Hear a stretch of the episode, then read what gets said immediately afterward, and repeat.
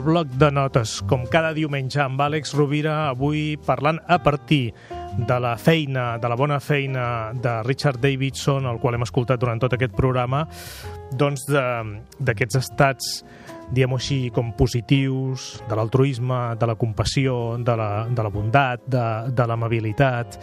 Àlex, què tal? Ben retrobat. Molt bé, Gaspar, molt content d'estar novament amb, amb tu, amb vosaltres. Ah, coneixes Richard Davidson i la seva feina, oi? Conec la seva feina, he llegit els seus llibres i crec que ha fet unes aportacions molt interessants, sobretot a partir del concepte del, del, del perfil emocional, que complementen molt bé altres, des de la neurologia, sobretot, perquè jo crec que la gran aportació de Davidson ha vingut des de la recerca de la neurologia i, per tant, des d'una mirada diferent de la que es venia fent tradicionalment a l'aproximació psicològica, que és molt interessant, que és molt vàlida, però jo diria que l'aproximació de Davidson és, um, és original i és complementària. Aquesta mirada diferent, tal com parlàvem abans amb ell, bé, doncs es trobava a faltar, no? Ell assumeix el repte eh, l'any 92 quan el Dalai Lama li diu a veure, per què vostès estudien només el cervell en relació a la, a la depressió, a l'ansietat, i per què no estudien els efectes que tenen el cervell, eh, actituds que tenen actituds eh, positives, no? Com la bondat... Mm. Efectivament. I, de fet, el que és més interessant de, de Davidson, probablement, és que um, fa que es trobin dos universos. Per una banda, en els darrers anys eh, emergeix la neuroplasticitat com una branca de recerca molt interessant de la neurologia que el que ve és a trencar l'antiga creença i l'antic paradigma de que el cervell era rígid, que no era plàstic, i per tant eh, sabem que ara el, el cervell és, és plàstic, que es pot treballar.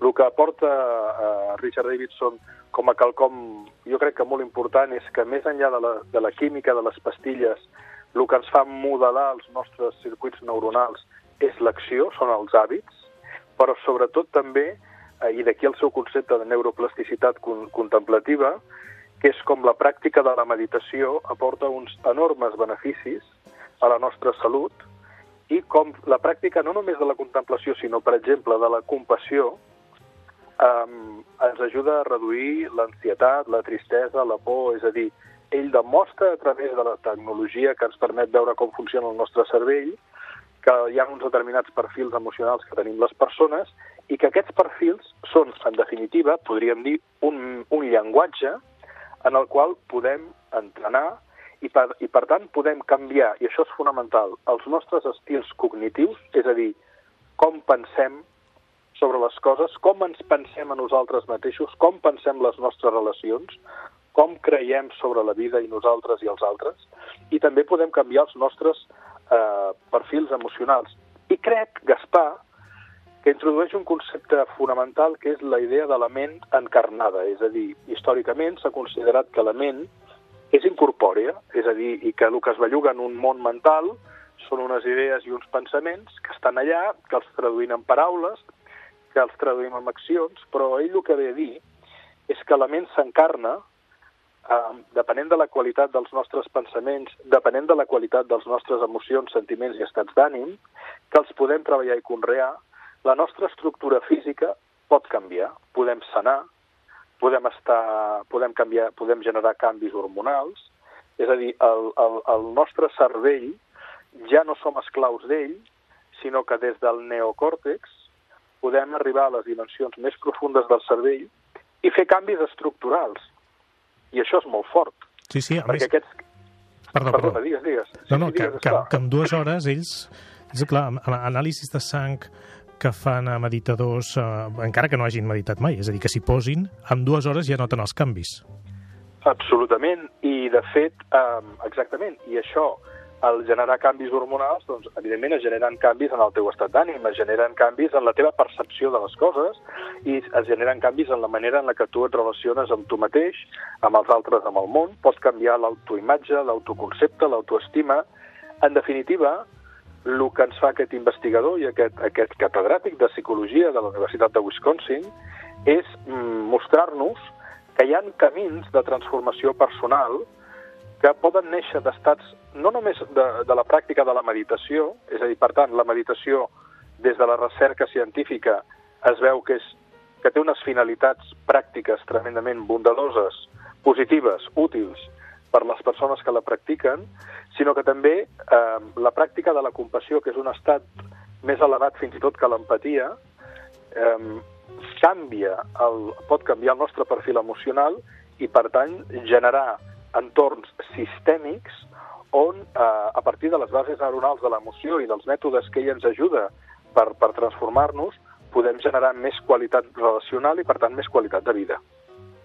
El repte, Àlex, no sé si estaràs d'acord, és sentir compassió cap a, no cap a la gent que estimem, o no només cap a la gent que estimem, sinó cap a, a persones que, que ens han fet la guitza, o que no ens cauen bé, o aquelles que considerem, entre cometes, l'enemic. Ell, de fet, comenta una metodologia que, que consisteix en primer pensar en persones que estimes, no? i veure quins, quins sentiments i quines emocions es generen en la vocació d'algú que estimes profundament. Després intentar traslladar aquest estat d'ànim un cop el tens amb persones amb qui tens una relació neutra. I, a base de practicar-ho, doncs, sorgeix naturalment la voluntat de que aquella persona estigui bé i fin finalment portar-ho això a la part contrària. En els, digue-li enemics, a mi m'agrada més dir la paraula part contrària.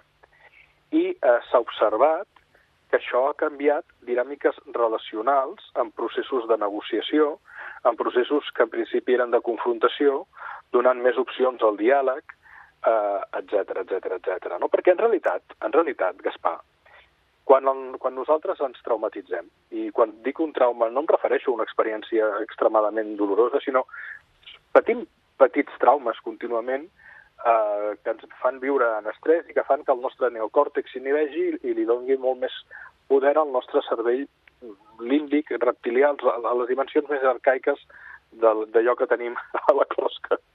I, per tant, quan ens situem en aquestes dimensions, ens reptilitzem, ens convertim en cocodrils.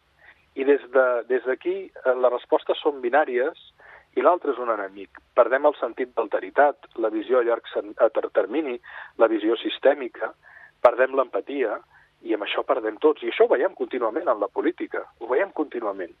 Um, i, i, I, per tant, crec que és molt bo la recerca que fa des del rigor, en aquest cas, el, el, el, el professor Richard Davidson, el doctor Richard Davidson, perquè és doctor en neuropsicologia, um, perquè ens ajuda a donar un fonament en el procés de canvi personal des de la medicina, però també des de la pràctica d'eines que tradicionalment hem sabut que les persones que les utilitzen, com pot ser la contemplació, la meditació, la pràctica de la compassió, sabem que ens fan sentir millor, però ara se les pot mesurar concretament i observar fins i tot en els seus circuits neuronals. I això és revolucionari. I tant. La invitació, doncs, és que deixem de ser cocodrils, oi, Àlex? La invitació, exacte. La invitació és que, és que procurem, aquells que els agrada tot això i que ens apassiona totes aquestes qüestions que tenen a veure amb la hibridació de terrenys de disciplines des del rigor, que, que en podem fer ús i que en podem fer una divulgació amable, que cada qual triï, però que podem millorar la nostra qualitat de vida i la de la gent que ens envolta i ho tenim a les nostres mans. Doncs moltíssimes gràcies, Àlex, per aquesta explicació, eh, per aquesta pedagogia, per aquesta invitació. Recordar, per acabar, el que, el que ens ha dit Richard Davidson, no? que és que la bondat és innata en l'ésser humà. No? Eh, som bondados per, per naturalesa. I, I el que ell deia en un titular, una entrevista molt interessant que li va fer la Ima Sanchís a La Vanguardia, crec recordar que deia que el fonament o la base d'un cervell que està sa és la bondat. Mm. I que aquesta bondat es pot, es pot treballar, es pot entrenar. Així acabem. Moltíssimes gràcies, Àlex. Fins la setmana que ve. Una gràcies, abraçada. Una abraçada, Gaspar. Una forta abraçada. Una forta abraçada també als oients. Moltes gràcies.